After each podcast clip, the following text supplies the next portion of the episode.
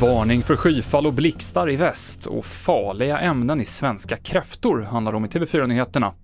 Men vi börjar i Halmstad. En person är död efter ett knivbråk utanför en nattklubb i centrala Halmstad tidigt i morse.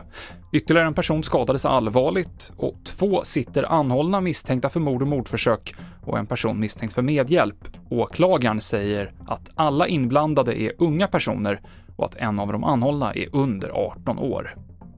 Fyra personer har rymt från Migrationsverkets förvar i Åstorp i Skåne efter att ha gjort ett hål i väggen. En anställd på förvaret säger till Expressen att det måste ha tagit flera veckor för rymlingarna att gräva sig ut. Polisen säger att man inte söker aktivt efter de här personerna.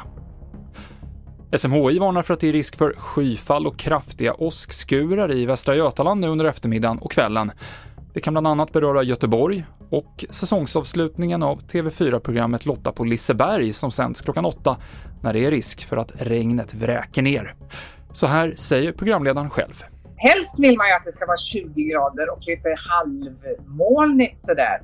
Alltså en classic svensk sommar. Men egentligen är värmen värre än regn. För någonstans är det så här, eh, om, om det blir riktigt skitväder då tar vi ännu mer i för att det ska bli trevligt. Och det gäller inte bara vi som står på scen utan även publiken. Det sa Lotta Engberg.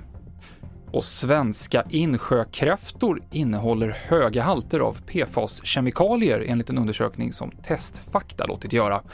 Det räcker med att äta 3-6 svenska kräftor för att få i sig mer än vad som är lämpligt för en vecka sett till EUs gränsvärden. Så det kan finnas bättre alternativ till kräftskivan, säger Åke Bergman som är professor i miljökemi. Jag tycker man ska ta det på allvar eh, på det sättet att menar, det är en begränsad studie hur, hur, mycket kräftor man har analyserat och så vidare. Men det här är, är helt eh, eh, indikativt över hur det ser ut eh, som jag ser det. Och då, då ska man ju hålla igen. Jag skulle ju definitivt välja eh, en bra kräfta som, som eh, kommer från utanför Sverige eh, för att eh, kunna äta fler om man nu vill det. Och det avslutar TV4-nyheterna i studion Mikael Klintevall.